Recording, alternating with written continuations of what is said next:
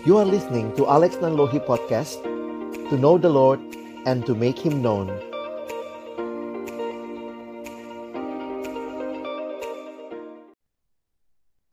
Oke, shalom teman-teman, selamat datang di persekutuan MKJ uh, sore hari ini yang akan sama-sama bahas tentang regenerasi dan secara khusus regenerasi yang akan dilakukan di tengah kondisi seperti ini secara online. Terima kasih buat teman-teman yang sudah uh, bergabung. Nah, teman-teman, ini beberapa uh, apa beberapa kesepakatan yang kami biasa sampaikan. Yang pertama, pertemuan ini hanya suara, jadi semoga uh, mempermudah uh, beban kuota tanpa video. Jadi teman-teman bisa matiin aja video ininya, tampilan videonya. Teman-teman, uh, kalau ada yang satu berbicara, silakan matikan mic-nya supaya tidak overlap kita akan ikut pimpinan uh, eh, MC atau pemimpin ibadah ataupun juga nanti pembicara. Ya, hari ini aku yang memimpin uh, ibadah, jadi teman-teman uh, pastikan bisa mendengar suaraku kayak gitu. Nanti kalau misalnya ada yang mau bertanya atau sharing bisa nyalain mic-nya. Nah teman-teman juga mungkin akan di mute oleh beberapa uh, ad, oleh admin karena bukan yang nggak mau dengar suara teman-teman, tapi supaya kadang-kadang nggak ngeh, mic-nya nyala, dan itu membuat suaranya jadi overlap, jadi nggak kedengeran yang lain ketika ada satu yang berbicara. Jadi kalau di mute itu bukan berarti nggak mau didengar ya, tapi supaya yang lain bisa sama-sama mendengar suara yang sedang berbicara. Teman-teman nanti kalaupun ada diskusi atau sharing, bisa bagikan di grup chat. Sekali lagi grup chat itu kayak ya tempat berpikir kita, tempat sharing kita, karena kita nggak mungkin nyalain mic bareng-bareng dan saling sharing, itu pasti akan kacau Nah, sangat mendorong teman-teman boleh bagikan jawaban di grup chat atau pertanyaan atau mungkin hasil refleksimu karena sangat mungkin itu bisa menjadi berkat atau menjadi inspirasi buat teman-teman lain yang membaca. Nah, eh, hari ini kita nggak ada pujian, jadi kita nggak perlu eh, bernyanyi, kita akan langsung masuk dalam diskusi dan sharing.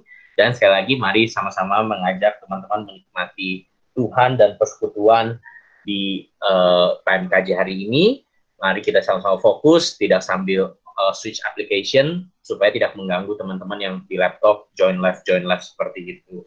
Nah uh, ini in case jaga-jaga kalau misalnya baru saja aku bilang terjadi, uh, Andreas boleh silakan stop presenting karena HP-mu dilihat di seluruh Jakarta. Uh, pilih stop presenting yang di layar atas karena kita semua sedang melihat uh, tampilanmu. Bisa kah? Kalau tidak,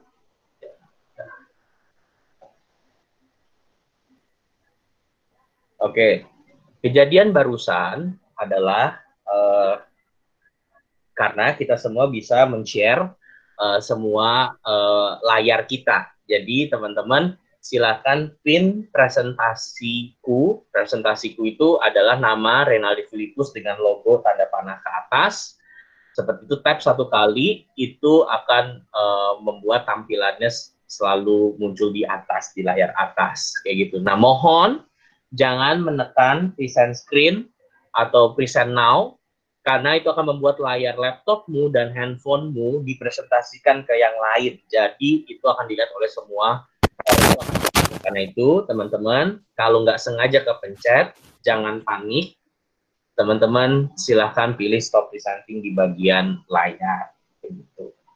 Oke, itu aja teman-teman. Uh, terima kasih. Uh, mari kita sama-sama memulai persoalan kita. Mari kita bersatu dalam doa.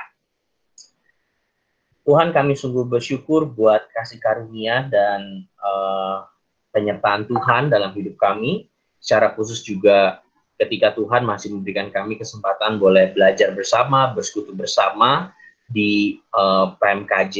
Dan kami juga bersyukur buat teman-teman yang mungkin dari luar Jakarta yang bisa bergabung. Kami bersyukur buat kesempatan boleh bersekutu bersama. Dan kami berdoa waktu-waktu ke depan boleh menjadi waktu-waktu yang menguatkan, waktu-waktu yang mengingatkan, waktu-waktu yang menolong kami boleh kembali berserah kepada Tuhan, kembali taat kepada pimpinan Tuhan, dan boleh memperjuangkan pemberitaan firman dan Injil Tuhan di kampus kami, di pelayanan kami bagi mahasiswa yang boleh kami layani. Terima kasih Tuhan, kami menyerahkan waktu persekutuan ini ke dalam tangan-Mu. Dalam nama Tuhan Yesus kami berdoa. Amin. Nah, teman-teman, hari ini uh, kita akan uh, berbicara tentang regenerasi dan teman-teman uh, kalau kalian dapat jarkomannya, kalian ditanya gitu kan, sejauh ini sudah memikirkan belum regenerasi secara online? Nah, kemudian ada pertanyaan uh, apa yang paling kamu bingungkan kayak gitu. Uh, aku bacakan dulu beberapa hasil survei jadi dari ada sekitar 40-an responden yang bersedia menjawab, terima kasih buat teman-teman yang bersedia menjawab. Eh, uh, 32 persen itu belum memikirkan sama sekali dan belum tahu mau seperti apa. Itu ada tiga, itu 32 persen.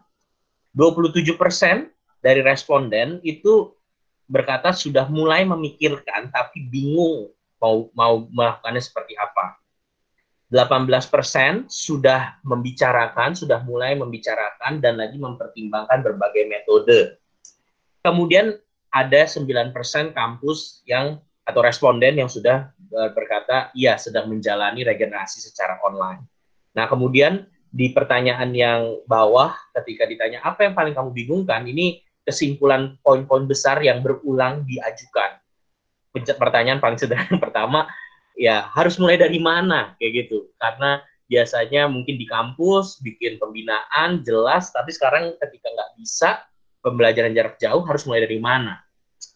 Tapi yang juga kedua yang banyak ditanyakan bagaimana mengetahui kondisi yang mau diregenerasikan kondisi pengurus kondisi pertumbuhannya jadi biasanya karena ada kesempatan ketemu ketika tahu gitu ya ngelihat pelayanannya seperti apa ngelihat kondisinya seperti apa, jadi bisa tahu dan bisa di, digumulkan, didoakan apakah mau meregenerasikan dia ke depannya.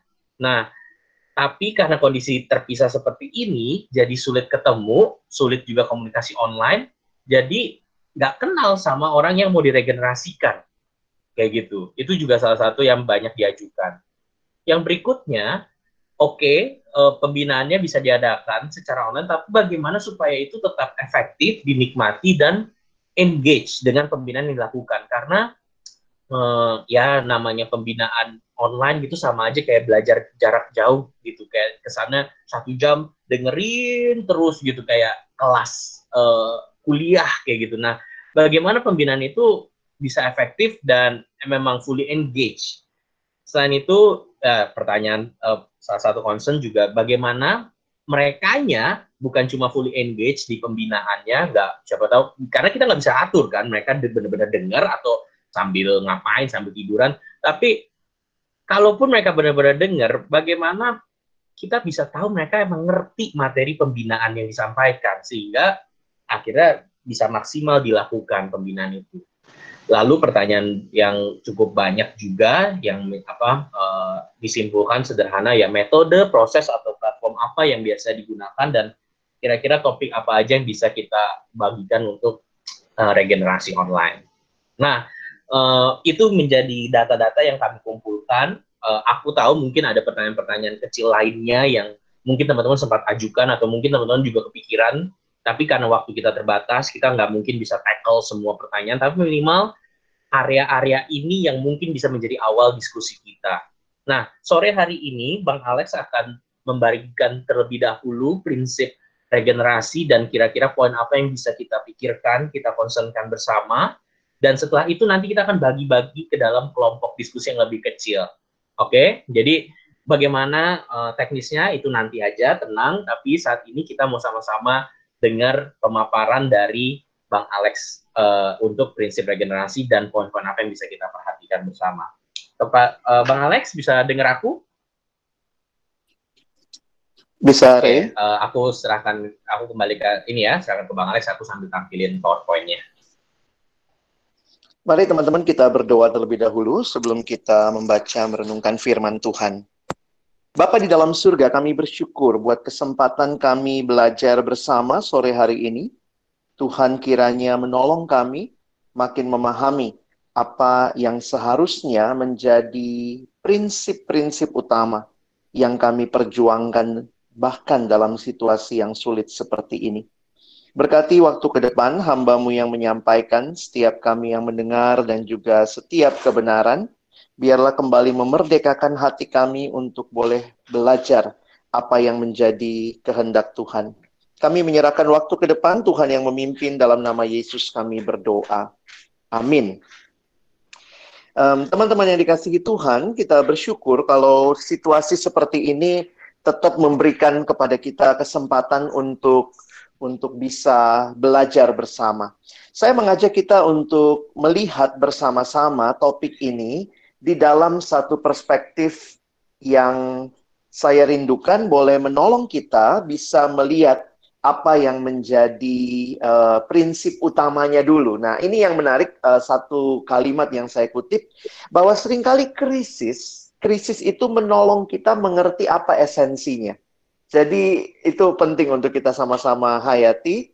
Seringkali krisis itu membuat kita jadi paham sebenarnya atau jadi memikirkan ulang apa yang sudah kita lakukan selama ini dan kemudian mengerti esensinya.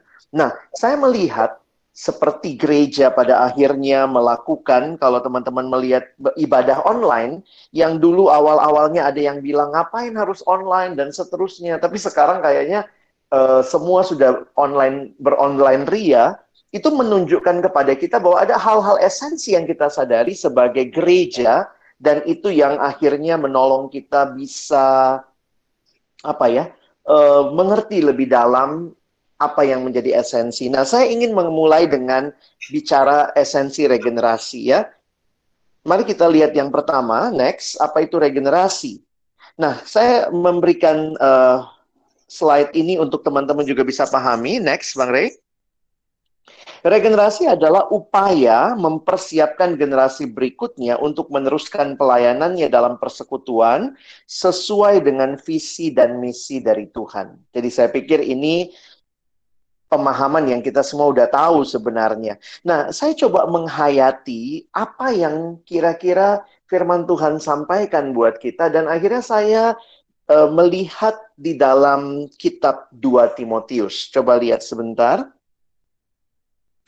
Tiarma bisa dimatikan dulu, Dek. Bisa dimatikan stop presenting yang paling atas, Dek. Stop presenting ya. Sehingga tidak ya, oke. Okay.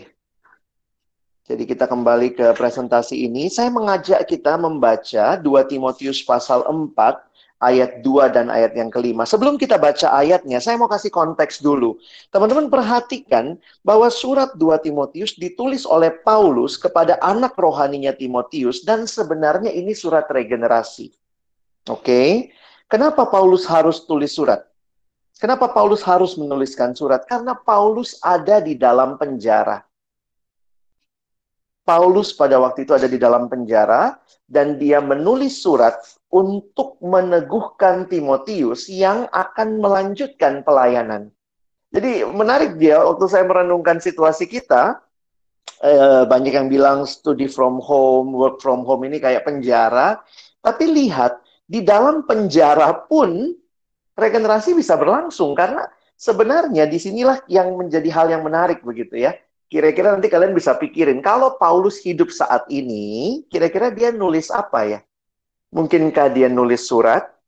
Mungkinkah dia bikin podcast? Mungkinkah Paulus bikin IG live? Nah, itu jadi menarik untuk kita perhatikan. Pada masa itu, Paulus menggunakan surat media. Oke, okay?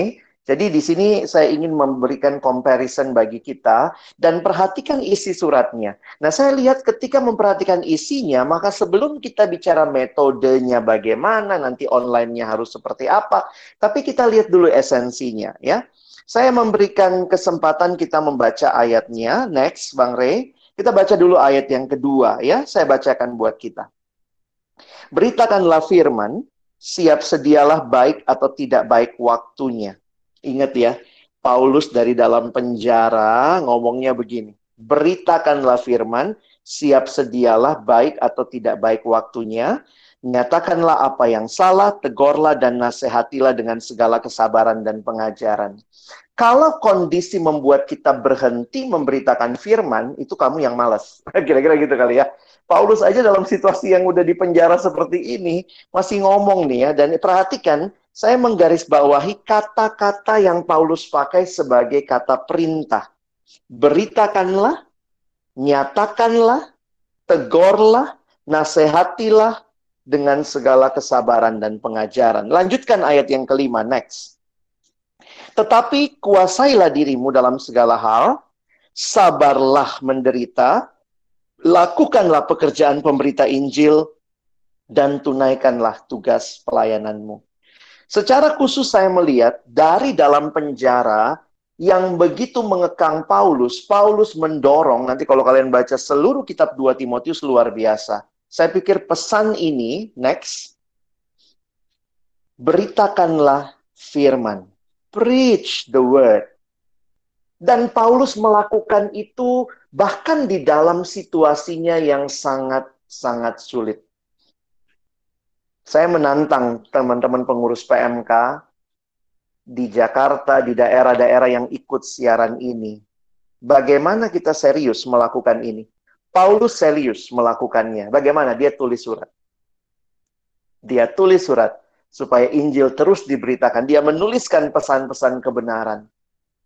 Jadi kalau ada yang tiba-tiba lumpuh, nggak pelayanan lagi, saya jujur aja agak bingung gitu ya bukankah justru dalam situasi sulit kita jadi lebih kreatif harusnya? Aduh bang, internet di daerah kami susah, rusak. Bikin surat, mungkin gitu kali ya.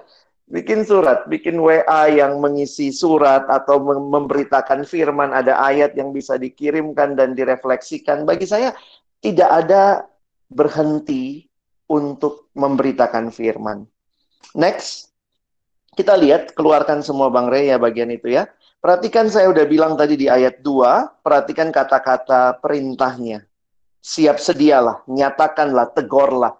Paulus bicara ini dari dalam penjara. Makanya ada kalimat yang sangat mengharukan saya waktu Paulus mengatakan, ketika aku dibelenggu, kira-kira begitu ya, namun firman Allah tidak terbelenggu. Pemenjaraan Paulus di Roma, waktu dia nulis surat 2 Timotius, diperkirakan itu pemenjaraan di bawah tanah, dan Paulus diikat atau dibelenggu, dirantai dengan prajurit Romawi di kiri dan kanannya.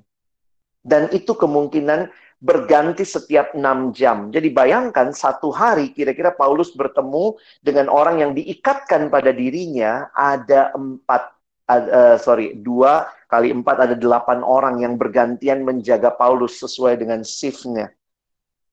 Tapi Paulus mengatakan kalimat yang bagi saya luar biasa. Namun firman Allah tidak terbelenggu.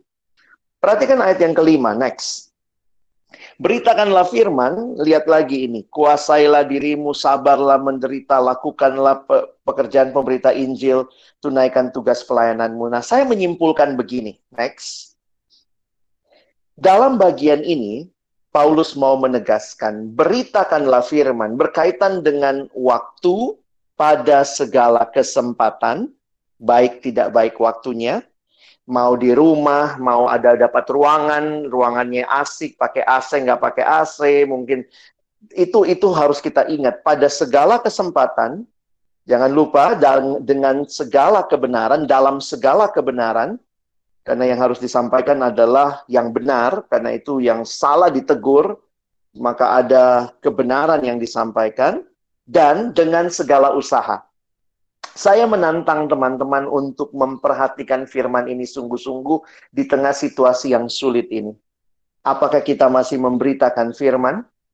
Masih berjuang dengan segala kebenaran supaya orang belajar kebenaran, hidup yang salah ditegur, hidup yang salah diperbaiki, dan dengan segala usaha. Udah nyoba apa aja? Seneng sih ngelihat teman-teman udah mulai mikirin, walaupun nggak tahu mau ngapain saya, Bang Ray, Kak Bebet, uh, Bang Ruben, Kak Ayuni, Kak Keke, beberapa kami staf mahasiswa juga mulai coba berpikir gimana menolong. Bagaimana menolong supaya persekutuan tetap ada. Kami coba melakukan beberapa hal secara online dan kerinduan kita adalah kalian boleh lihat bentuknya, lihat caranya, tapi bukan cuma itu. Bukan cuma oh sekarang udah tahu pakai Google Meet, nggak boleh presenting kalau ada yang lagi ngomong semua mute. Bukan itu yang penting. Bagi saya adalah prinsip ini. Beritakanlah firman perjuangkan segala cara. Pada segala kesempatan dalam segala kebenaran dengan segala usaha ya. Nah teman-teman perhatikan next. Saya melihat ini juga adalah prinsip regenerasi. Jadi sebenarnya kalau kita bicara regenerasi apa sih yang diregenerasikan yang diregenerasikan itu adalah firman itu. kehidupan yang mengalami diubahkan oleh firman, itulah yang terus diregenerasikan. Nah, perhatikan bagaimana, nah saya ingin mengajak teman-teman melihat bagaimana Paulus meregenerasikan itu kepada Timotius. Mari lihat next slide. Maaf, ini kartun Korea. Jadi kalau ada drama Korea, ini kartun Korea. Paulusnya agak sipit, ya. Dan uh, itu Timotius yang di depan, ya. Nah, perhatikan ini dua Timotius pasal yang kedua, ayat yang kedua. Apa yang telah engkau dengar daripadaku di depan banyak saksi, percayakanlah itu kepada orang-orang yang dapat dipercaya yang juga cakap mengajar orang lain. Bahwa kehidupan kerohanian berita Injil itu harus menyatu dengan kehidupan dan itu yang disampaikan bagi setiap generasi. Sehingga saya melihat di sini uh, kalau kita lihat ini surat regenerasi, prinsipnya menarik, memang Paulus telah bersama dengan Timotius. Kalau kita lihat sebelum Paulus di penjara, Timotius diajak pelayanan dengan Paulus. Paulus telah bersama dengan Timotius kira-kira sudah 16 tahun. Jadi kalau teman-teman perhatikan, melihat dari kisah Rasul 16, Timotius diajak oleh Paulus. Waktu Paulus menulis surat 2 Timotius, Timotius sudah uh, sekitar 16 tahun bersama Paulus. Nah, waktu-waktu bersama itu bagi saya itu modal. Ya, memang kita nggak bisa tutup mata ya. Waktu bersama itu modal. Tetapi ketika Paulus dalam penjara, dia masih merasa penting untuk menyurati Timotius dengan memberikan pesan regenerasi. Jadi bagi saya begini loh, teman-teman memang modal kita waktu kita bisa ketemu kelompok kecil, tatap muka, tapi jangan merasa ini akhir dari segalanya. COVID ini menghentikan segalanya. Kalau demikian, kita nggak punya surat Paulus. Bayangkan surat Paulus sebagian besar dia tulis dari dalam penjara. Saya pikir, wow. Memang tatap muka, Paulus pernah bersama dengan jemaat di Korintus satu setengah tahun, di di Efesus selama 2 sampai 3 tahun Paulus di sana tapi surat-suratnya itu dia tulis dari dalam penjara menggemakan bahwa dari dalam penjara pun seorang gembala belum berhenti memberitakan Injil, belum berhenti mendukung jemaat, belum berhenti menyemangati, belum berhenti untuk menyampaikan kebenaran. Jadi memang yang penting kita perlu perhatikan bahwa kehadiran fisik memang penting, tidak tergantikan. Tetapi ketika, ketika kehadiran fisik tidak bisa, maka kehadiran melalui media, Paulus pakai surat pada zamannya, itu bisa. Nah, memang nanti teman-teman perhatikan ya, Paulus itu kan waktu itu nggak ada JNE, nggak ada kantor pos, sehingga surat itu harus dibawa oleh orang lain. Jadi menarik nih, bisa aja kan bagi saya gini ya, udahlah orang itu aja yang bilang uh, kabarnya Paulus bagaimana. Orang itu aja yang langsung sampaikan ya. Misalnya kalau nanti kalian lihat siapa yang ngirim uh, Paulus pakai Tikhikus misalnya untuk kirim surat Kolose, Paulus pakai uh, orang-orang yang lain. Tapi bagi saya begini, suratnya tetap ada, tapi kemudian ada orangnya juga yang dia kirimkan. Makanya kalau kalian perhatikan beberapa suratnya Paulus bilang begini, surat ini akan dibawa oleh orang ini, tapi kamu juga dari dia akan mendengar hal ihwalku. Jadi sebenarnya saya melihat berbagai cara Paulus lakukan untuk, nah ini prinsip pentingnya ya. Next. Sebenarnya pastiin teman-teman, bagaimana journey together even in this kind of time of situation. Tetap berjalan bersama. Kalau bisa ketemu ya kadang-kadang kan kita makan bareng sama pengurus, calon pengurus, calon PKK, sama adik kelompok kecil kita, kita makan bareng, kita bisa uh, nongkrong di sekretariat. Tapi kalau sedang tidak bertemu, apa apa bagaimana kita memaknai jalan bersama? How you bagaimana teman-teman memaknai ya jala, uh, ber, berjalan bersama journey together? Teman-teman, saya melihat sering kali kita mati gaya nih. Kenapa? Karena kita cuma tahu satu jal, satu cara. Ya. Kita cuma tahu satu cara, caranya ketemu. Nggak bisa ketemu, habis kita mati gaya langsung. Kalau Paulus mati gaya, kita nggak dapat surat-surat yang indah. Tapi saya melihat luar biasa, journey together, bahkan melalui media, itu rohani. Kalau kalian bilang nggak rohani harus ketemu, kalian menyepelekan Paulus. Paulus bahkan journey together, dia kirimkan surat meneguhkan untuk anak-anak rohaninya. Dia kirim surat isinya regenerasi untuk dua untuk Timotius di kitab 2 Timotius. Dia kirim surat menegur untuk jemaat di Korintus. Dia ngirim surat menegur untuk jemaat Galatia. Bagi saya kehadiran fisik penting tapi bukan segala-galanya ketika tidak bisa dibatasi oleh jarak dan tempat terlihat jelas Paulus menggunakan semua hal. Sehingga saya bukannya mengatakan inilah the best situation, tapi saya hanya ingin mengencourage kita bahwa tetap penting pemuridan berjalan bersama dengan berbagai sarana. Next, saya melihat prinsip regenerasi tetap penting adalah pentingnya pemuridan. Kehidupan iman yang benar itu tidak cukup hanya dibicarakan, tapi perlu ditransfer karena ada pemahaman, teladan, pengalaman iman, dan interaksi yang utuh. Nah, nanti kita akan lihat apa yang saya maksud dengan interaksi yang utuh. Karena situasi yang tidak memungkinkan, kalau mungkin bareng sih puji Tuhan. Makanya saya bilang tadi tuh, modal besar itu waktu kita bisa bareng. Tapi waktu kita tidak bisa bersama, teman-teman tetap tangkap prinsipnya nih. Gimana pemuridan berjalan bersama bisa terjadi? Paulus pakai surat. Paulus pakai orang yang dia kirim mengantar surat dan juga dari orang itulah nanti akan memberikan penjelasan lebih lanjut. Next, coba lihat ya. Nah ini ya, maaf agak kepotong, ini pasal 3 ayat 10, engkau telah mengikuti ajaranku, cara hidupku, pendirianku, imanku, kesabaran. Lihat lagi ayat 11. Next, engkau telah ikut menderita penganiayaan dan sengsara yang telah kuderita di Antioquia. Jadi sebenarnya surat-surat itu isinya apa? Ini kalau bicara prinsip regenerasi, suratnya isinya apa? Teman-teman ingat nggak waktu itu? Ya, ini Paulus bilang sama Timotius, kamu ingat nggak tim? Kira-kira gitu ya. Tim, kamu udah ikut aku.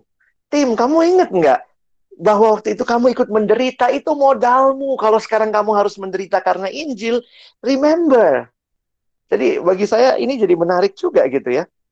Mungkin mengingatkan kepada materi-materi kelompok kecil yang sudah dilalui bersama.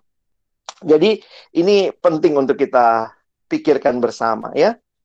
Next. Nah, memang regenerasi dalam pelayanan ini kan prinsipnya ya, saya melakukan, kamu lihat. Saya melakukan, kamu bantu. Lalu berikutnya, kamu yang melakukan, saya bantu. Terakhir, kamu melakukan, saya melihat. Jadi ada prinsip mengalami, dilibatkan dan diutus. Nah, teman-teman saya tetap meyakini bahwa ini bisa terjadi bahkan melalui tanpa tatap muka. Poin saya adalah sekali lagi tatap muka itu situasi the best. Tapi ketika tatap muka tidak bisa terjadi, pertanyaan saya apakah kita masih memikirkan pelayanan dengan berbagai cara sebagaimana Paulus katakan dalam segala kesempatan, dengan segala, dalam kebenaran dan dengan segala usaha. Nah, jadi teman-teman, next pertanyaan kita sore hari ini nanti saya berharap waktu masuk di kelompok-kelompok kita bisa diskusi lebih jauh adalah bagaimana upaya yang saudara lakukan untuk memastikan regenerasi pelayanan di PM kamu. Apalagi khususnya sekarang lagi mau bicara regenerasi pemimpin kelompok kecil. Mungkin ada beberapa kampus yang masuk ke regenerasi pengurus ya. Tapi beberapa kampus sebagian besar saya pikir yang uh, apa ya regenerasi pengurusnya Februari berarti sekarang mau masuk regenerasi PKK nih. Nah, pertanyaannya menarik nih, apa upaya yang saudara lakukan memastikan pelayanan terjadi di PM kamu? Di tengah-tengah mungkin sekarang next nggak bisa tangan ketemu tangan nyampein gitu ya, tapi kita dalam situasi media seperti ini. Nah, saya coba kasih beberapa prinsip yang sebenarnya ini prinsip baik kita lagi online, tatap muka yang saya agak takut juga bahwa sebenarnya prinsip-prinsip ini masih ada nggak ya? Jangan-jangan kalau prinsip ini hilang, sebenarnya baik mau tatap muka kayak mau online kayak nggak ada juga pengurus, nggak ada juga PKK, tidak ada regenerasi karena tidak mengikuti prinsip-prinsip firman Tuhan ini. Nah, yang pertama, nah saya maaf ya, saya pakai istilah kekinian karena sekarang lagi bicara banyak engagement. ini prinsip regenerasi dalam pelayanan adalah engagement. Kata engagement itu kalau lihat terjemahannya sebenarnya uh, tunangan ya. Tapi ini lagi sering dipakai kalau kalian main Instagram, sekarang orang bilang gini, yang penting itu bukan berapa jumlah follower lu. Follower lu bisa 10 ribu, tapi engagementnya berapa? Maksudnya engagement itu orang yang nge-like, orang yang komen, orang yang sempat baca dan memberi respon. Jadi bagi saya jangan takut gitu ya. Aduh, IG kami masih IG kampus kami followernya cuma 200, itu pun anak PMK semua. Nah, di situ kan sebenarnya juga kalau kita bicara media, kalau kalian ngerti uh, ilmu media sekarang, engagement lebih penting daripada sekedar follower. Kamu punya follower bisa banyak, tapi tidak banyak yang engage. Nah, sebenarnya waktu saya pakai bahasa ini, masuk ke dalam pemahaman regenerasi, sebenarnya regenerasi itu melibatkan, atau saya pakai istilah keterlibatan secara utuh. Jadi sebenarnya ada interaksi yang dalam, bukan hanya sekedar share knowledge sebenarnya waktu lagi ketemu pun harusnya tuh regenerasi itu prinsipnya engage. Ya itu yang mungkin kita perlu pikirin ya. Musa nyiapin Yosua itu kan pakai apa? Ya pakai kehidupan bersama yang interaksi yang utuh. Yuk naik ke gunung. Yuk kamu mimpin perang. Aku support kamu dari gunung. Yosua disuruh memimpin. Jadi ada kebersamaan Nah, kebersamaannya itu saya pikir ketika sekarang sulit bertemu, kita mesti pikirin tetap ada kebersamaan. Gimana caranya bersama walaupun nggak ketemu? Nah, itu itu yang saya pikir kita perlu pikirin engagement. Jadi jangan langsung mikir kalau nggak bisa ketemu tatap muka, nggak bisa kebersamaan. Saya pikir sih nggak begitu juga. Next, satu lagi Bang Ray. This is the last one. Nah, prinsip regenerasi dalam pelayanan adalah mentoring personal sebenarnya. Paulus siapin Timotius. Yesus siapin 12 murid. Jadi sebenarnya itu mentoring personal. Teman-teman jujur aja saya agak melihat fenomena terakhir-terakhir ini waktu kita masih tatap muka beberapa tahun terakhir bahwa yang meregenerasikan pelayanan itu semua ditumpukan kepada kelas-kelas pembinaan. Padahal yang membuat regenerasi terjadi bagi saya adalah ketua nyari ketua berikutnya. Karena kira-kira gitu kali ya. Yos, Musa ya cari Yosua. Musa nyiapin Yosua. Musa nggak bikin kelas gitu ya. Ini ada kelas pembinaan. Tentu kita bersyukur ada kelas pembinaan. Kita bisa kasih materi-materi yang baik di situ. Tapi ingat, yang membuat PKK atau membuat orang mau jadi pemimpin kelompok kecil, seperti yang Bang Rey minta kalian sharing tadi. Sebenarnya banyak adalah kamu melihat hidup PKK kamu. Aku lihat hidup PKK-ku saya sampai terharu ketika satu waktu adik kelompok kecil saya bilang begini ya. Bang, aku mau jadi PKK dong. Hah? Kok bisa? Dia baru semester satu. Saya nggak bilang saya mimpin kelompok kecilnya baik banget, bagus banget. Enggak. Tapi saya kaget waktu adik ini bilang begitu. Saya tanya, apa tujuanmu jadi PKK? Dia bilang, ya gue udah nikmatin banyak dari Tuhan. Gue pengen bagiin buat adik-adik generasi baru. Ya waktu itu saya langsung bilang, tunggu, tunggu, tunggu, tunggu. Lu masih semester satu coy gitu ya. Belajar dulu gitu. Tapi maksud saya begini loh, sebelum ada kelas CPKK, training regenerasi, kelas regenerasi CPKK, ketika ada hidup yang dibagikan, sebenarnya regenerasi terjadi di situ. Jadi teman-teman jangan takut ketika tidak bisa bikin kelas sekarang. Kira-kira begitu kali ya.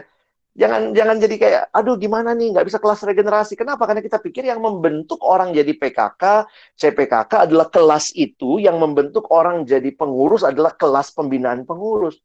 No, kita jangan sampai kehilangan mentoring pribadi. Nah, makanya saya, saya menantang begini ya. Kalaupun ada kelas pembinaan online, kita bikin undang pembicara, invite gitu ya, pembicara nyampein beberapa pakai misalnya uh, apa uh, pakai khotbah yang direkam lewat Spotify, lewat mana. Tapi jangan lupakan mentoring personal.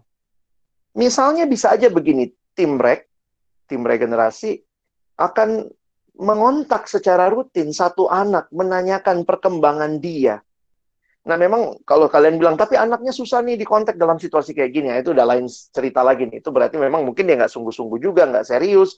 Atau mungkin kita juga jadi males karena lihat respon dia berapa kali dikontak nggak respon. Tapi kalau bicara mendekati, saya jujur pikir harusnya kita berpikir dengan baik supaya bagaimana meskipun pelayanannya online terjadi dua hal ini, engagement dan mentoring personal.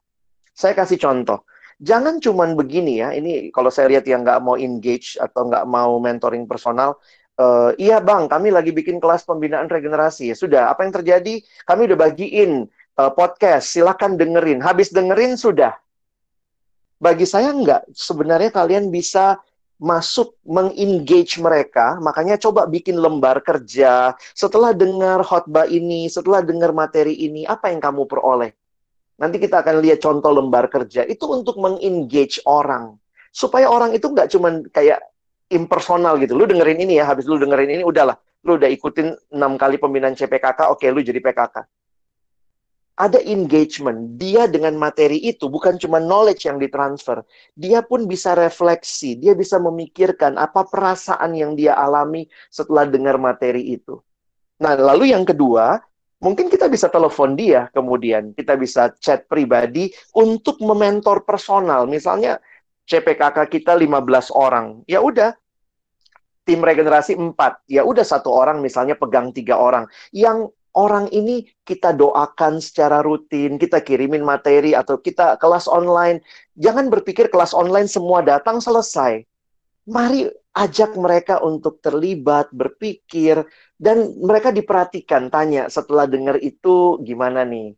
Makin yakin nggak? Aduh bang, aku makin susah nih yakin. Apa yang bisa saya doakan? Oke, minggu depan pembinaan kedua ya. Nanti aku telepon lagi, kita ngobrol lagi ya. Ini kan sebenarnya mentoring personal itu baik ada COVID, nggak ada COVID, harusnya itu yang terjadi. Yang membentuk orang sekali lagi untuk jadi pengurus, jadi pelayan, bukan bukanlah kelas pembinaan semata-mata. Karena itu, teman-teman, dua prinsip ini, ada banyak prinsip lain, tapi dua prinsip ini yang saya coba pikirkan di tengah-tengah situasi seperti ini.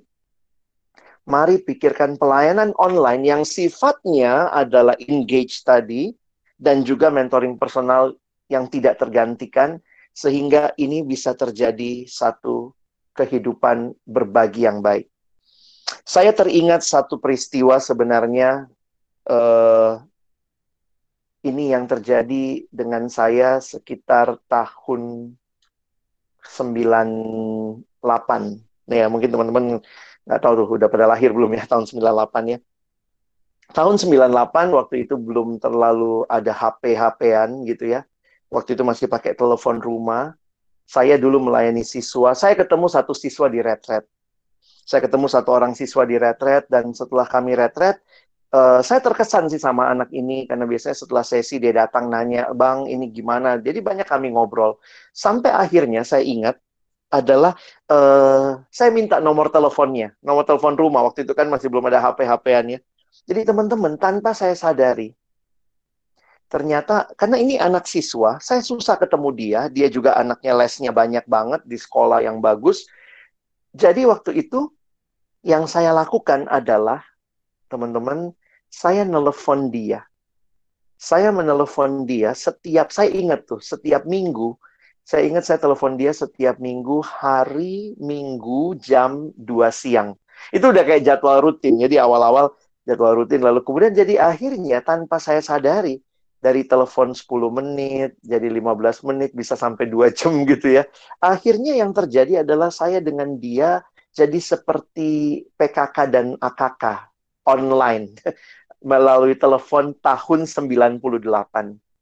Sekarang adik saya itu sudah jadi dokter spesialis dan kami tetap punya relasi yang baik. Dan saya kalau ingat-ingat ke belakang gitu ya dia punya pemimpin kelompok kecil di sekolahnya.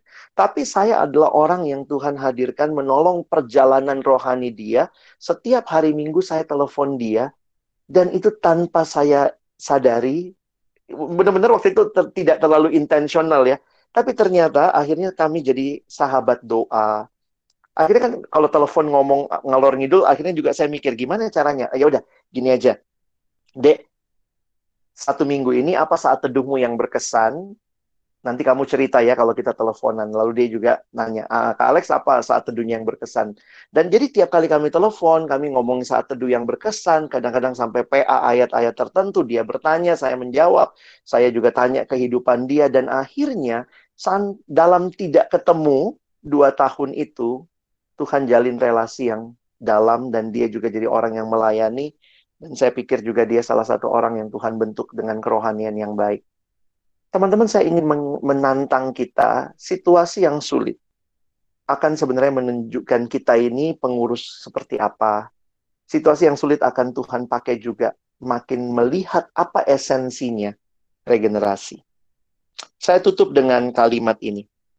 Next, Firman Allah tidak akan pernah terbelenggu oleh para penentangnya. Mau orang menentang, ingat ya Paulus ditentang orang Romawi, dimasukin penjara. Tapi lihat, firman Allah tidak akan pernah terbelenggu oleh para penentangnya, kecuali oleh pemberitanya. Pemberitanya yang malas, tidak berpikir, tidak berjuang, tidak berusaha. Sehingga kalimat ini bagi saya sangat menggetarkan hati saya ketika belajar 2 Timotius. God's word can never be chained by its opponents only by its messengers. Kiranya Tuhan berikan kekuatan bagi kita untuk berpikir sungguh-sungguh apa yang penting kita lakukan. Bagaimana firman terus diberitakan. Bagaimana ada pemimpin kelompok kecil yang baru bagi adik-adik generasi baru. Jangan langsung pikir susah, sulit. Pikir dulu, diskusi, tanya. Lalu kita lakukan bersama-sama. Kiranya ini menolong teman-teman untuk bisa mendorong kita serius melayani generasi ini. Amin. Kita berdoa sebentar. Tuhan terima kasih buat firman-Mu, tolong kami bisa mengaplikasikannya di tengah-tengah situasi seperti ini. Kami bersyukur karena kami adalah pribadi-pribadi yang dipercayakan menjadi pemberita firman. Dan firman-Mu biarlah tidak kami belenggu dengan kemalasan kami waktu kami stay at home, Firmanmu tidak terbelenggu oleh keengganan kami berjuang men men mencari alternatif-alternatif cara. Kalaupun kami harus tulis surat seperti Paulus, biarlah kami lakukan itu.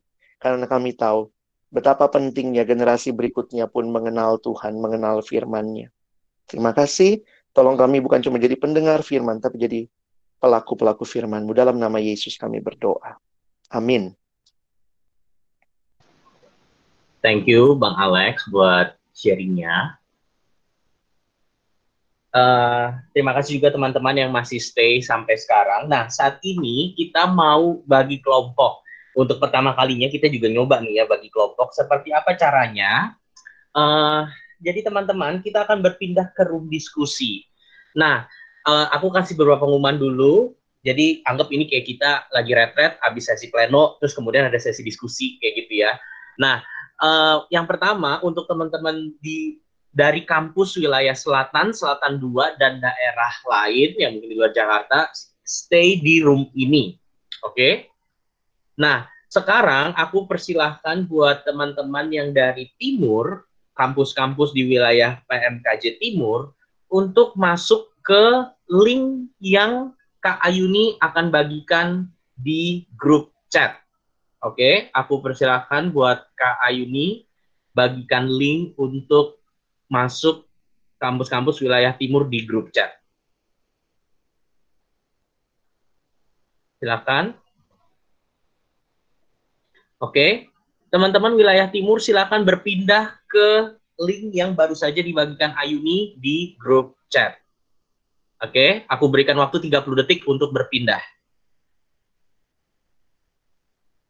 Teman-teman sorry uh, bukannya melarang teman-teman mengucapkan terima kasih tapi uh, stop dulu ucapan terima kasihnya supaya nggak tenggelam di uh, grup chat oke okay? yang timur uh, 15 detik lagi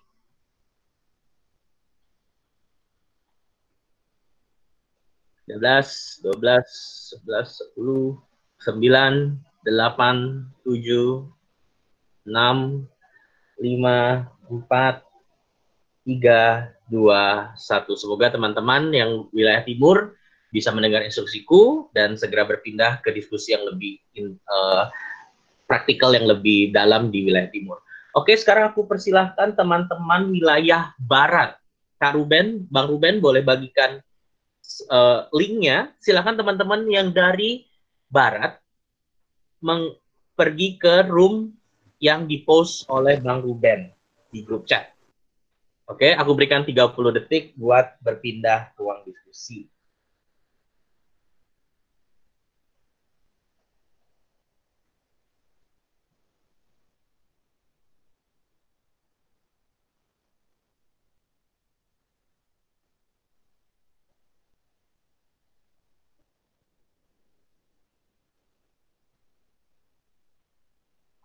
lima belas, empat belas, tiga belas, dua belas, sebelas, sepuluh, sembilan, delapan, tujuh, enam, lima, empat, tiga, dua, satu. Thank you buat teman-teman Barat. Semoga sudah bisa segera pindah ke room diskusinya ya. Dan yang terakhir, teman-teman wilayah Jakarta Pusat akan masuk ke room diskusi yang dipost oleh Kak Bebet. Kak Bebet boleh silakan. Oke, teman-teman pusat silakan boleh uh, berpindah ke room diskusi yang dipost oleh Kak Bebet. Aku berikan waktu 30 detik ya.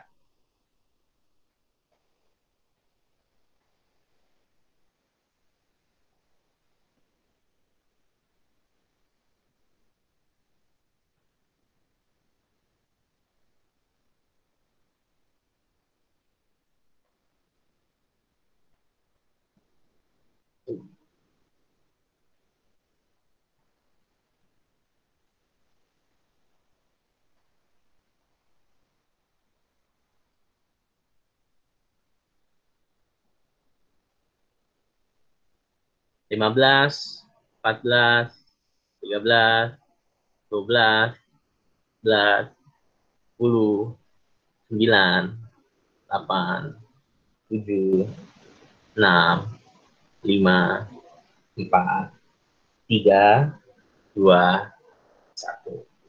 Oke, semoga teman-teman sudah boleh uh, masuk ke di room-room apa diskusi sesuai dengan kampus teman-teman masing-masing. Oke, okay? buat teman-teman yang dari selatan, semua termasuk selatan, selatan dua, maupun juga teman-teman yang mungkin dari daerah yang ikut uh, siaran ini, uh, kita uh, diskusinya di grup ini. Oke, okay? uh, teman-teman, uh, beberapa hal yang mau uh, kita bahas adalah uh, brainstorming atau uh, diskusi lebih lanjut tentang bagaimana secara real uh, semakin uh, menerapkan prinsip engagement dan mentoring personal. Nah, teman-teman, sepanjang aku boleh sharing beberapa hal yang sudah kami pikirkan, silahkan boleh ajukan pertanyaan di grup chat aja langsung. Nanti ada waktu yang mungkin Bang Alex bisa jawab atau mungkin nanti teman-teman yang lain juga boleh kasih uh, pendapat. Jadi silahkan kalau mau teman-teman ajukan pertanyaan di grup di grup chat uh, silahkan. Nah teman-teman tapi uh, aku akan mulai dengan uh, ngajak kita berpikir gitu ya. Kenapa kita bagi kelompok kali ini? Uh, jujur ini pengalaman pertama nih coba bagi kelompok dan oh, puji Tuhan berjalan dengan baik. Kami kira bakal chaos dan sebagainya. Tapi ini ini, ini inilah bentuk nyata bahwa iya ya bisa kok bikin pembinaan berdiskusi kelompok kayak gitu. Uh, gak cuma uh, setelah dengar, oke okay, selesai pengumuman tutup pulang kayak gitu. Kita bisa discuss lebih dalam lagi atau bisa sharing lebih dalam lagi uh, di kelompok-kelompok yang yang uh, kita buat kayak gitu. Memang ini kelompok kita masih banyak karena kita gabungan. Uh, tapi kupikir uh, ini ini jadi contoh aja gitu bahwa sebenarnya kita bisa cari cara untuk bisa terus lebih engage dan lebih dalam tentang uh, membina atau membangun relasi uh, dengan orang-orang yang kita regenerasikan. Nah, uh, apa sih bentuk-bentuk kayak lembar kerja atau mungkin tadi kalau Bang Alex bilang engagement personal mentoring yang lebih dalam, kami coba pikir ini ini contoh ya teman-teman slide ini akan dibagikan di link. Tapi ini contoh misalnya kami kami di Jakarta sempat buat seri podcast untuk pembinaan CPKK dan PKK nah misalnya salah satu tema yang kami angkat itu adalah tentang uh, jadi PKK nggak ya? Itu tentang pergumulan seluruh umat se seluruh zaman gitu ya. Uh, aduh gimana sih uh, mendoakan menjadi PKK kayak gitu. Dan kami udah bikin bentuknya kalau teman-teman lihat di gambar itu nggak satu orang ngomong bentuknya interview berlima. Karena kami tahu kalau ngedengerin langsung gitu 40 menit satu orang jelasin mungkin juga capek atau mungkin juga uh, bingung gitu uh, dengan beberapa narasumber itu menolong bisa lebih uh, apa bisa lebih santai tapi juga prinsip-prinsip bisa terbagikan. Nah, instead daripada hanya sekedar ini nih ada linknya dengerin, kami coba bikin kayak alurnya gitu. Misalnya kalau pembinaan kali ini uh, pakainya rekaman khotbah, misalnya rekaman podcast misalnya.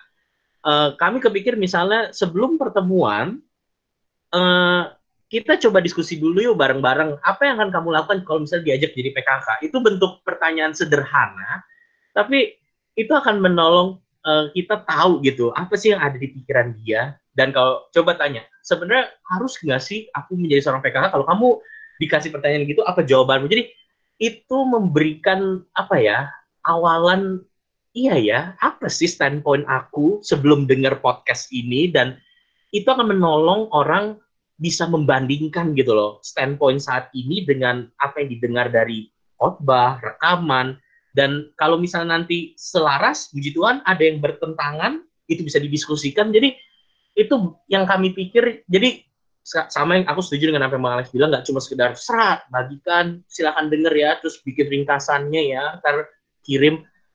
Ngapain lihat ringkasan? Kita bisa sama-sama denger kok kalau aku kalau aku disuruh kayak begini kayak ya udah sih sama-sama denger aja sih kan ngapain minta ringkasan lagi. Tapi bukan dengerinnya yang yang mungkin paling banyak mengubah, tapi diskusi antara kita tim rek dengan yang di yang diregenerasi kan mungkin itu yang bisa memberikan kristalisasi apa yang didengar. Misalnya kita bisa tanya, apa yang kamu pelajari dari sharing hari ini? Waktu dengar jangan cuma saat kasih dengar kami ajak coba catat ada nggak kutipan yang ih ya ampun ini retweet banget nih atau ini IG story banget nih. Catat coba kutipannya apa. Kayak gitu.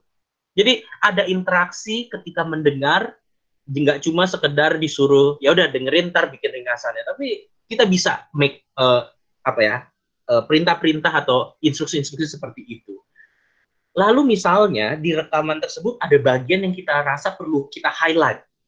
Karena kan orang dengerin 45 menit satu rekaman interpretasi macam-macam yang berkesan buat dia macam-macam. Tapi mungkin ada satu bagian yang kita mau highlight karena itu menurut kita penting banget.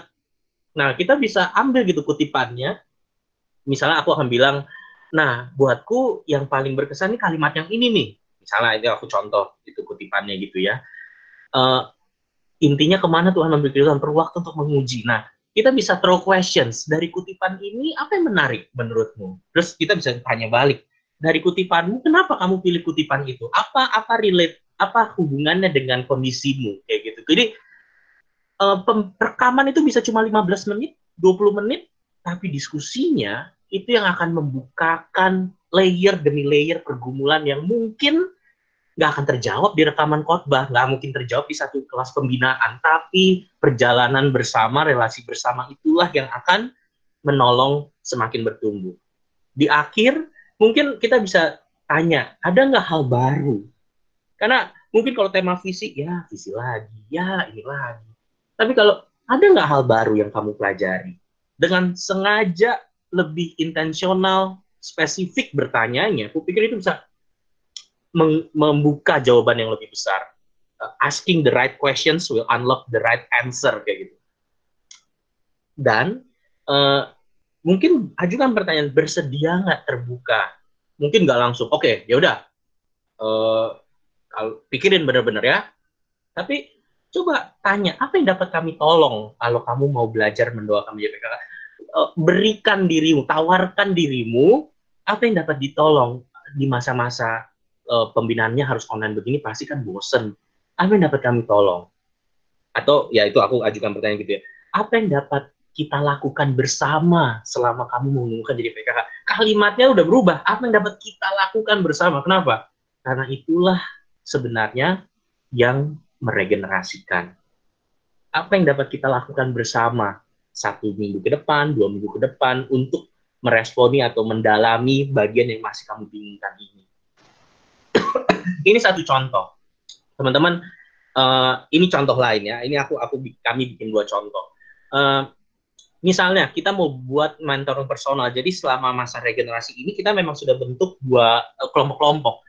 Jadi calon pengurus atau calon PKK itu sudah dibagi dibagi ke beberapa tim rek. Jadi satu kakak itu bisa mimpin atau memperhatikan dua atau tiga orang dan mungkin sebelum hari H pembinaannya instead ngasih teman-teman bikin pretest ya atau teman-teman bikin uh, apa uh, dengerin dulu atau apa yang cuma ngasih ngasih ngasih doang. Mungkin uh, cara engagementnya atau mentoring personalnya bisa temanya apa dan kamu ajukan pertanyaan yang yang sesuai dengan tema itu. Nanti ke ini bahasa bahasnya mau dinamika kelompok kecil.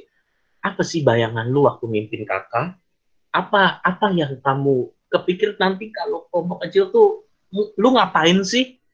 Dan yang kayak begitu kan nggak bisa apa ya, nggak bisa di suasana suasana kelas gitu. Itu akan mungkin lebih banyak terkupas di bagian chat pribadi atau personal talk. Aduh, tapi awkward banget, uh, apa awkward banget nanyain pribadi atau share pribadi. Aku pikir kalau kamu tulus bilang gitu deh aku japri kamu karena aku yang memang akan menjadi teman pergumulanmu selama dua bulan ke depan atau satu bulan ke depan menjadi kelompok kecil. Kalau kita dengan kerendahan hati dan dengan ketulusan memperkenalkan diri dan menyambut uh, atau meminta izin bolehkah kita berjalan bersama? Aku pikir yang kalau memang yang diregenerasikan itu memang benar-benar mau bertumbuh atau benar-benar mau belajar dia pasti akan menghargai atau uh, mengapresiasi gitu apa yang kita mau lakukan untuk dirinya kayak gitu. Jadi uh, itu bisa jadi diskusi sebelum hari H kemudian uh, materi. Misalnya materi macam-macam nih ya. Bisa dari Spotify atau mungkin ada live khotbah. Jadi di hari itu misalnya aku tulis Bang Niko khotbah tentang dinamika kelompok kecil. Atau mungkin bentuknya harus khotbah live. PA pribadi kisah Rasul 2 jadi teman-teman uh, ambil perikop baca bareng coba tolong garis bawahi mungkin bagian-bagian yang dilakukan oleh jemaat mula-mula dan kemudian apa yang bisa kamu listkan, apa yang jemaat mula-mula lakukan, misalnya bikin dua tiga pertanyaan penggalian Alkitab yang menjadi bahan diskusi, aku pikir uh, itu mungkin akan lebih hidup daripada sekedar mendengarkan Spotify 40 menit kemudian bikin ringkasan. Kayak gitu. Atau mungkin baca buku bareng karena ada beberapa materi yang nggak nggak nggak harus nggak harus satu buku. Tapi misalnya chapter buku berapa yuk kita baca bareng. Atau uh, kutipan apa artikel artikel apa yang bisa kita baca bareng. Jadi untuk materi itu bisa banyak. Aku yakin kita nggak kekurangan materi. Tapi sekali lagi aku kami buat gitu. Apa kutipan yang berkesan? Uh, kenapa itu berkesan buatmu? Kalau buatku ketika aku dengar podcast ini atau baca bagian ini, aku berkesan bagian ini nih. Karena aku pikir iya ya pengalamanku di situ keluar pengalaman kita, di situ keluar berbagi hidup kita dan kita juga tanya bagaimana pengalaman dia atau ketakutan dia kayak gitu. Jadi sama lah ini pol ini ini hanya contoh teman-teman teman tuh uh, nggak bukan harus begini ini hanya contoh tapi kami mau sama-sama ngajak teman-teman lihat kita bisa lebih dalam dan lebih sengaja berelasi kayak gitu. Setelah itu misalnya ajak seberapa penting sih personal touch dalam pengalamanmu dilayani atau dimuridkan. Terus misalnya apa yang perlu kita learn dan unlearn, apa yang perlu kita makin pelajari, apa yang perlu kita tinggalkan ketika memimpin kelompok kecil nanti. Nah terus atau bagian mana yang kamu ingin pelajari lebih lanjut setelah dengar bagian ini, bagian mana yang paling blur gitu, paling aduh aku tuh tapi bukan orangnya bukan tipe yang mau nanya atau gimana. Bagian mana yang kamu rasa kamu perlu diskusikan lebih lanjut dan di situ kita bisa tawarkan diri, yuk kita baca buku bareng atau mungkin kita tanya-tanya staff bareng atau mungkin kita uh, share bareng sama PKK aku, aku kenalin ya kamu sama PKK aku, jadi dia bisa ngelihat ternyata itu pergumulan semua zaman kok.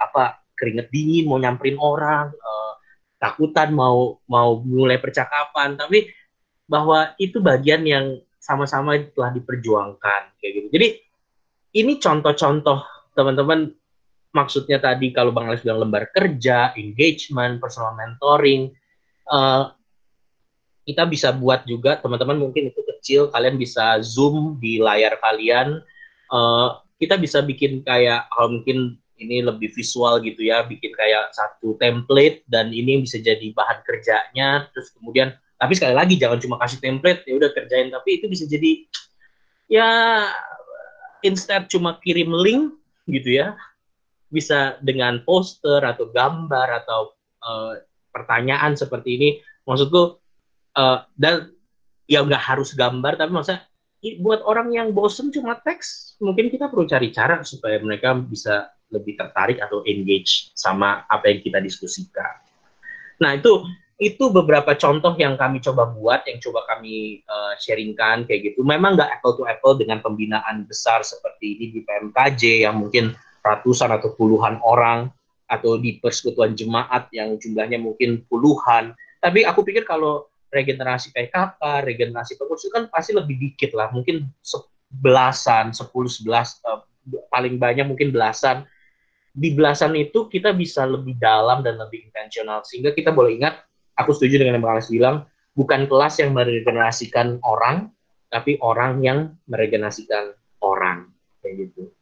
Nah, uh, aku stop sampai sini, itu beberapa pemaparan yang kami coba buat. Teman-teman silahkan apakah ada pertanyaan boleh tuliskan di grup chat.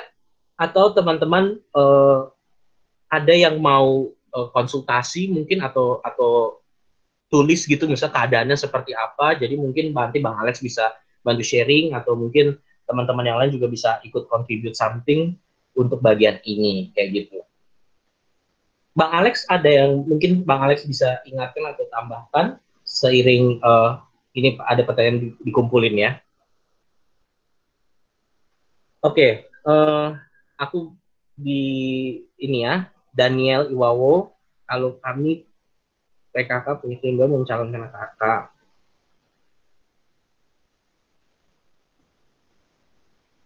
Oke, okay, thank you. Uh, Bang Alex, ada respon, Bang?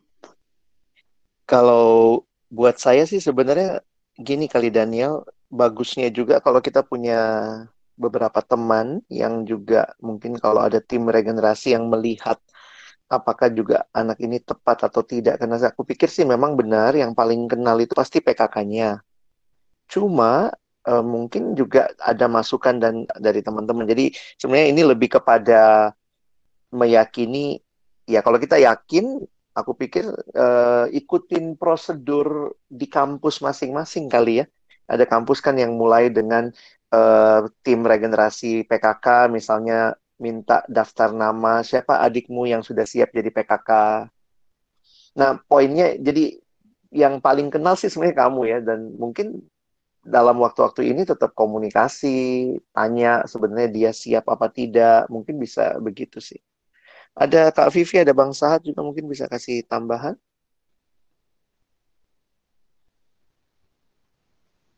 Bang Sahat, bisa dengar aku? Bisa, bisa, Rey. Bang, boleh ada pertimbangan untuk uh, bagaimana nih kalau tim REK dan PKK mungkin berbeda berbeda pandangan gitu ya atau mungkin uh, satu merasa siap, satu melihat belum siap. Ada pengalaman, Bang? Boleh silakan sharing.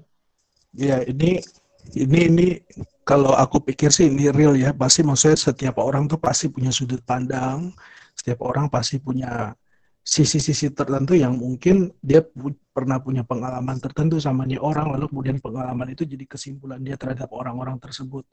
Aku tadi sepakat sama Bang Alex, uh, prosedur di PMK teman-teman seperti apa gitu ya. Biasanya kan memang ada tim rek ya. Ada tim rek dan tim rek ini memang ya pertama mereka akan doain cari orang lalu dari orang-orang daftar orang-orang yang ada itu nanti akan coba di di doain lebih lanjut berinteraksi gitu ya. Lalu kemudian masing-masing tim rek mungkin akan akan memberikan pandangan dia seperti apa. Nah kalau tadi bang Rey tanya pengalaman seperti apakah pernah punya pengalaman seperti itu uh, jelas sering gitu ya apalagi misalkan dalam ya karena aku jadi kakak rohani pembimbing di pendamping di wilayah sering kali ya dalam tanda kutip aku tuh sering kali jadi orang yang yang apa ya yang diberikan hak gitu ya untuk menentukan orang ini bisa pelayanan atau tidak Nah, tapi gue pikir uh, ya penting diskusi. Uh, tadi Bang Alex berulang-ulang uh, personal mentoring, engagement dan segala macam itu akan sangat menolong kita bisa tahu dengan uh, makin tajam, makin dalam tentang apakah memang orang ini adalah orang yang uh, Tuhan juga siapkan gitu ya. Aku pikir juga mungkin hati-hati sama sikap-sikap kita terlalu menentukan standar tertentu yang yang mungkin itu belum tentu fit gitu ya untuk banyak case atau banyak momentum seperti itu. Jadi uh, coba diskusikan dengan teman-teman tim rek. PKK pasti lebih tahu gitu ya, tapi mungkin pendapat orang lain itu akan bisa uh, menolong ada spot-spot yang mungkin tidak dilihat atau uh, tidak bisa diapresiasi gitu ya sama orang yang mungkin kita pikir kita pikir dia cukup kenal seperti itu. Kak Vivi. Thank you, Bang Sahat. Nah, mungkin uh, nyambung sama uh, pertanyaan dari Tania dan Ella. Terima kasih. Uh, Oke, okay. mungkin Bang Alex bisa kasih pertimbangan tentang standar, tapi di satu sisi juga engaging, uh, engagement, personal mentoring, tapi tentang kriteria, standar. Ada pendapat Bang Alex bagaimana uh, menjaga atau melakukan kedua aspek tersebut? Iya, aku ngelihatnya mungkin begini kali ya. Teman-teman di dalam jadi kayaknya pertanyaannya mendasar banget gitu ya. E, kriterianya aku pikir ya lihat aja di dalam Alkitab sebenarnya kan ada kriteria-kriteria pemimpin rohani. Memang tidak ada orang yang sempurna itu pasti, tapi kita bisa ngeliat nih. Makanya sebenarnya yang membuat kita yakin itu anak ini misalnya tepat adalah kita lihat nih arah pertumbuhannya jelas nggak? Maksudnya begini, dia waktu dia jatuh dalam dosa, apakah dia bergumul sungguh-sungguh keluar dari dosa, dia rindu untuk membagikan buat orang lain. Nah, sebenarnya kan itu semua tidak bisa didapat di kelas, tapi sebenarnya makanya buat saya begini. Yang membuat orang itu jadi PKK sebenarnya adalah pengalaman dia dimuridkan jadi bukan kelas pembinaan yang bikin dia jadi PKK. Makanya kalau ada yang tidak ikut pemuridan mau jadi PKK, ini pertanyaan juga, apakah dia memang pernah dimuridkan di tempat lain kah gitu ya? Jadi kalau bicara kriteria yang paling dasar sebenarnya adalah teachable sama reliable. Itu kalimat uh, eh, 2 Timotius pasal 2 tadi. Orang yang dapat dipercaya, yang juga cakap mengajar orang lain. 2 Timotius 2 ayat 2. Jadi teachable, dia memang mau belajar, rendah hati mau terus belajar dan juga reliable bisa dipercaya, bisa jadi punya integritas. Nah, makanya teman-teman harus jelas nih. Jadi jadi yang yang di kriteria yang paling dasar jangan cari yang sempurna, tapi carilah yang benar-benar sedang ber, bertumbuh ke arah yang dan pertumbuhan itu kan seumur hidup begitu ya. Thank you Bang Alex. Kak Vivi mungkin boleh ada ada pengalaman Kak Vivi? Kak Vivi bisa dengar aku?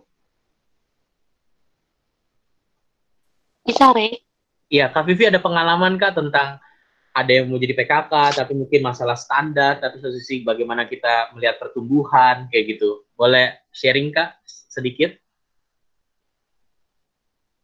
Uh, uh, esensinya sama sih dengan yang disampaikan oleh Bang Alex sama Bang Sahat bahwa sebenarnya kalau PKK-nya sangat bertanggung jawab dalam membina anak-anak kelompok kecilnya, sebenarnya yang secara holistik dialah yang uh, mengenal mengenal anak ini. Tetapi kalau ada uh, angle-angle yang uh, itu tidak dilihat oleh PKK dan dilihat oleh tim formatur, kalau aku sih usulinya tim formatur uh, memberikan PR gitu kepada PKK-nya untuk um, apa ya untuk memastikan bahwa uh, anak ini siap menjadi PKK itu maksudnya uh, penggalian firmannya walaupun mungkin masih sederhana uh, dia udah dapat karena kan kalau mimpin kelompok kecil kan nggak langsung uh, bahan yang susah ya.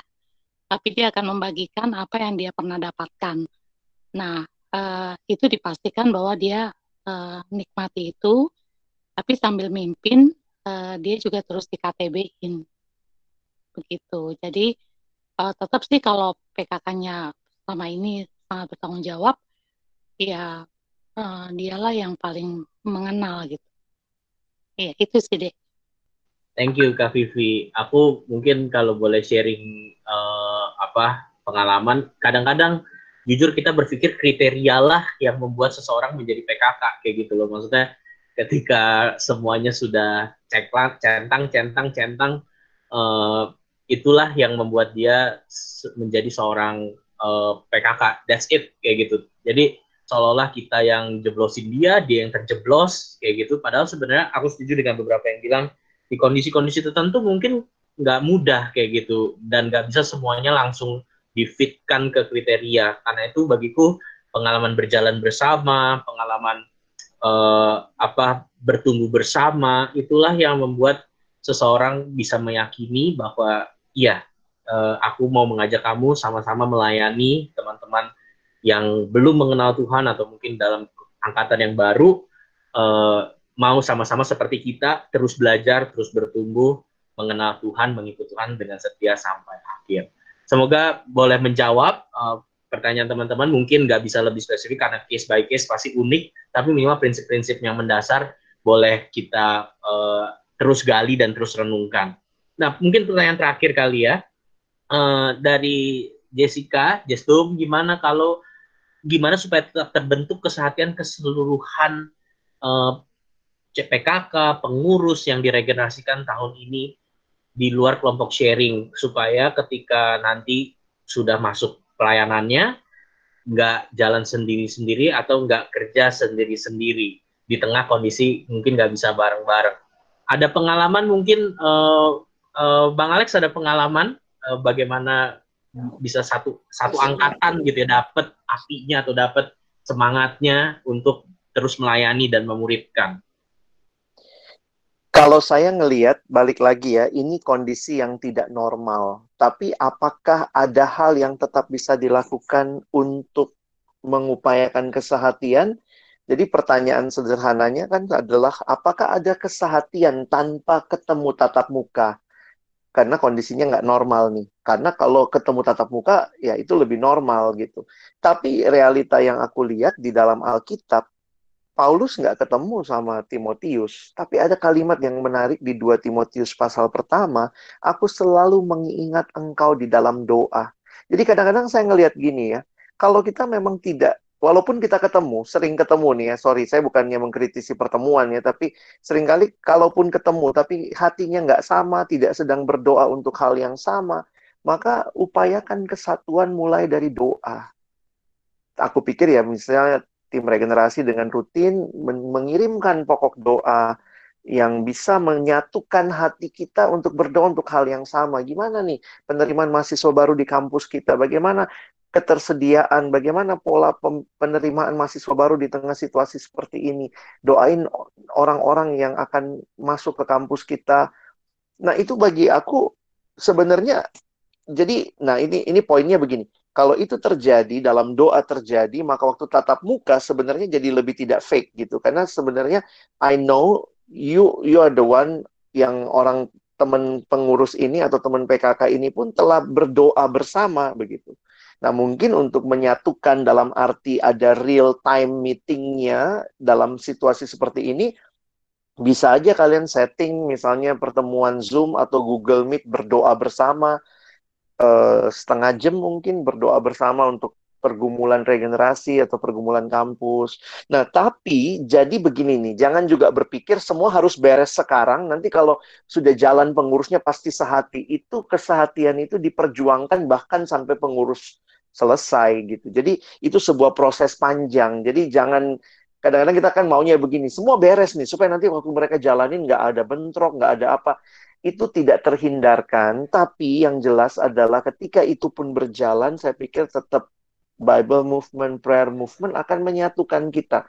Karena itu eh, biasakan tetap eh, orang-orang ini melayani tetap di dalam semangat berdoa bersama, kalau kita berdoa bersama, maka mungkin kita beda pendapat tentang cara, tapi kita tahu semua tulus nih caranya. Jadi kalau ada orang yang beda pendapat sama kita, jangan merasa gini, dia nyerang pendapat gua, gua nggak suka sama cara dia. Tapi kalau saya tahu dia berdoa kok sungguh-sungguh untuk pelayanan ini, kita akan ngelihat, oh iya ya, itu dia dia tulus, cuman caranya dia begitu. Nah mungkin kita jadi waktu rapat jadi nggak ribet, Tapi jangan juga berpikir kita mesti sehati, nggak pernah nggak pernah beda pendapat. Aku pikir bukan begitu caranya. Nanti waktu menjalaninya pun kalian harus berjuang terus untuk kesatuan itu di dalamnya. Bagaimana kalian punya komunikasi yang baik. Tapi saya melihatnya doa jadi kunci juga sih. Thank you. Oke, okay, thank you Bang Alex. Uh, thank you teman-teman yang sudah mengajukan pertanyaan. Uh, aku nggak apa-apa, aku aku lanjutkan dulu. Maksudnya aku kita lanjut kita tutup uh, ibadah ini. Tapi feel free teman-teman nanti aku sediakan waktu 10 5 10 menit jika di akhir masih ada yang mau teman-teman tanyakan uh, bisa lebih maksudnya bisa lebih langsung aja kayak gitu. Tapi kita uh, akan men, uh, aku akan tampilkan beberapa pengumuman dulu supaya kita bisa uh, lihat beberapa hal. Teman-teman, uh, buat yang teman-teman yang waktunya bisa, kita sama-sama akan ada paskah, ibadah paskah bersama di tanggal 18 April hari Sabtu jam 4.30 uh, eh, pembicara Bang Alex. Teman-teman, jika kampusmu kesulitan mengadakan ibadah Paskah atau teman-teman uh, bisa, maksudnya bisa menjadikan Paskah ini menjadi Paskah kampusmu atau bersama kita beribadah di 18 April jam 4.30 live streaming di YouTube Perkantas Jakarta. Jadi uh, satu ini feel free untuk join dan untuk uh, beribadah bersama. Berikutnya minggu depan kita akan Bible study seperti biasa hari Selatan 2 di hari Senin, hari Selatan di hari Selasa, bentuknya PA. Jadi kita mau coba lagi bentuk uh, bagaimana menggali Alkitab bersama secara online. Jadi uh, silakan join. Kami juga terus coba-coba, terus belajar apa yang bisa terbaik dan siapa tahu itu bisa menginspirasi teman-teman. Hari Kamis minggu depan itu tidak ada bentuk yang topikal, adanya lagi itu di tanggal 7 Mei dan 14 Mei dan itu lebih dalam tentang persiapan penyambutan masa baru, secara khusus tentang penginjilan, dan juga nanti mungkin ada tanya-tanya lebih ke arah teknisnya. Tapi kita akan sama bentuknya, prinsipnya dulu tentang apa itu penginjilan, dan nanti bagaimana mempersiapkannya, bagaimana bisa lebih tepat sasaran, atau mungkin bisa lebih melibatkan uh, orang-orang yang kita mau layani, lebih engage dan lebih personal, kayak gitu. Nah, karena sampai 7 Mei ada hari-hari Kamis yang kosong, teman-teman silahkan dari sekarang kalau kepikiran butuh ide apa atau usulan topik apa yang perlu dibahas yang bisa menolong teman-teman persiapan regenerasi di kampusmu, tolong segera leave your comment di grup chat. Kayak gitu. Kami sangat ingin yang kami buat itu juga menolong memperlengkapi teman-teman. Kayak gitu. Jadi silakan uh, boleh uh, komen apa aja gitu. Ya mungkin nggak semua dibuatin tapi kami itu bisa jadi pertimbangan. Kami tahu apa yang bisa kami adakan supaya memperlengkapi teman-teman. Kayak gitu. Nah uh, materi pembinaan yang tadi kami bahas itu kami sudah buatin serinya.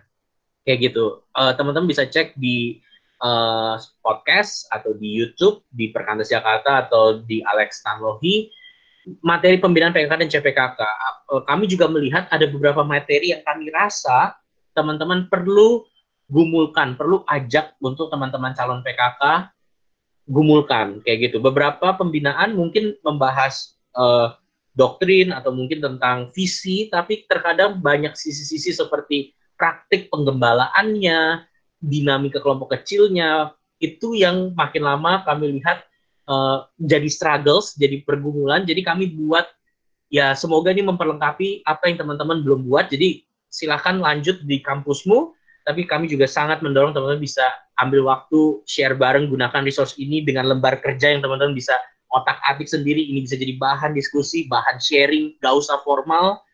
Teman-teman bisa pakai ini. Kami berjuang sebisa mungkin terus memperlengkapi, terus menyediakan apa yang bisa dibutuhkan bersama.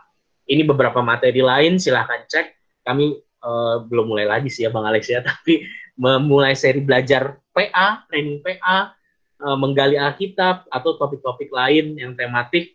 Jadi silahkan teman-teman feel free buat cek di Spotify, di YouTube Bang Alex, rekaman PMKJ juga selalu direkam dan dipublish di YouTube Bang Alex ataupun uh, akun-akun yang lain ya. Jadi teman-teman feel free buat cek. Oke, teman-teman, seluruh warta hari ini itu ada di bit.ly slash warta regen. Uh, silahkan teman-teman nanti bisa ketik uh, dan dapatkan PPT Bang Alex, terus juga tadi contoh lembar kerja yang versi Word-nya yang polos banget sama PPT yang hari ini itu teman-teman bisa download di uh, oh sorry di Warta Regen ini. Oke, okay? terima kasih teman-teman. Aku boleh minta kesediaan Bang Sahat untuk menutup dalam doa. Doakan setiap kita juga dalam proses persiapan masa regenerasi ini dan kiranya bisa diskusi terus ke depannya. Minta Bang Sahat untuk menutup ibadah kita dalam doa ya. Yuk teman-teman, mari kita bersatu dalam doa. Tuhan terus teguhkan kami, terus ingatkan kami bahwa berita Injil itu harus terus diperdengarkan dari generasi ke generasi, dari angkatan ke demi angkatan. Itu sebabnya tolong kami di dalam satu kenyataan kami tidak akan terus-menerus ada di kampus. Biarlah kami boleh terus diingatkan betapa penting untuk mempersiapkan uh, regenerasi pelayanan dengan baik supaya Injil itu boleh terus dikabarkan bukan hanya di satu dua tahun setelah kami eh, atau kami selama ada di kampus, tetapi bahkan setelah kami meninggalkan eh, kampus menjadi alumni, biarlah terus adik-adik yang pernah menikmati Injil dari apa yang kami layani, mereka boleh terus uh, memikirkan bagaimana pemberitaan Injil boleh terus dikerjakan dan terus diberitakan dari tahun ke tahun. Kami bersyukur untuk uh, waktu yang Tuhan boleh berikan kepada kami selama kurang lebih hampir satu setengah jam ini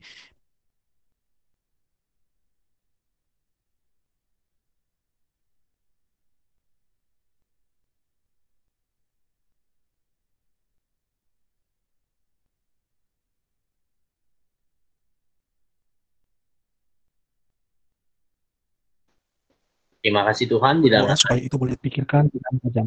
Terima kasih ya Tuhan, kami bersyukur dan menyerahkan juga untuk kegiatan kami selanjutnya ke dalam tanganmu. Dalam Yesus, amin. Amin. Sorry Bang Saat, akhirnya tadi Bang Saat keputus, jadi aku lanjutin. Oke, okay, thank you uh, buat teman-teman yang udah datang. Silakan leave comment untuk topik apa yang teman-teman rasa perlu. Uh, dan apa uh, kalau teman-teman masih ada pertanyaan, kita mungkin sampai 18.30. Kalau mungkin teman-teman masih ada yang mau didiskusikan atau di-sharingkan, uh, rekaman PMKJ ini akan diupload tapi akan diedit dulu. Jadi feel free teman-teman share nanti di YouTube mungkin buat teman-teman kampus lain atau fakultas lain yang teman-teman rasa perlu tahu dan bisa belajar bareng. Uh, dan feel free buat uh, nanti kita akan coba bikin ruangan-ruangan lebih banyak lagi buat kita terus diskusi dan persiapkan hal ini. Oke, okay, uh, Terima kasih teman-teman. Silahkan kalau ma kalau masih ada mau mau nanya, uh, boleh share di grup chat atau mungkin teman-teman bisa uh, ajukan langsung. Terima kasih teman-teman sudah bergabung hari ini.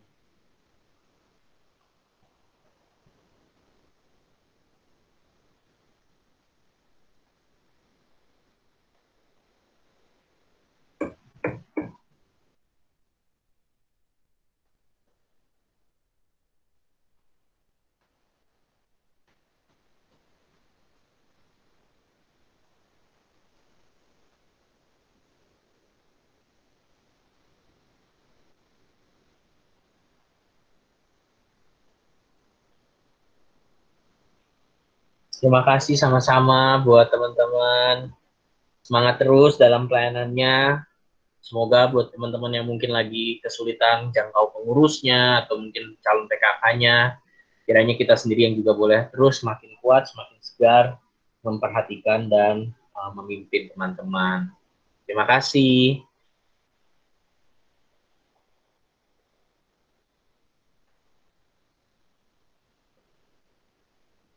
Terima kasih Kak Vivi juga sudah join. Terima kasih Kak Multi dari Makassar, Bang Riko dari, dari Riau, Pekanbaru. Ya. Ada Haryanto Purba tadi dari Jambi ya. Jambi. Terima kasih perkantas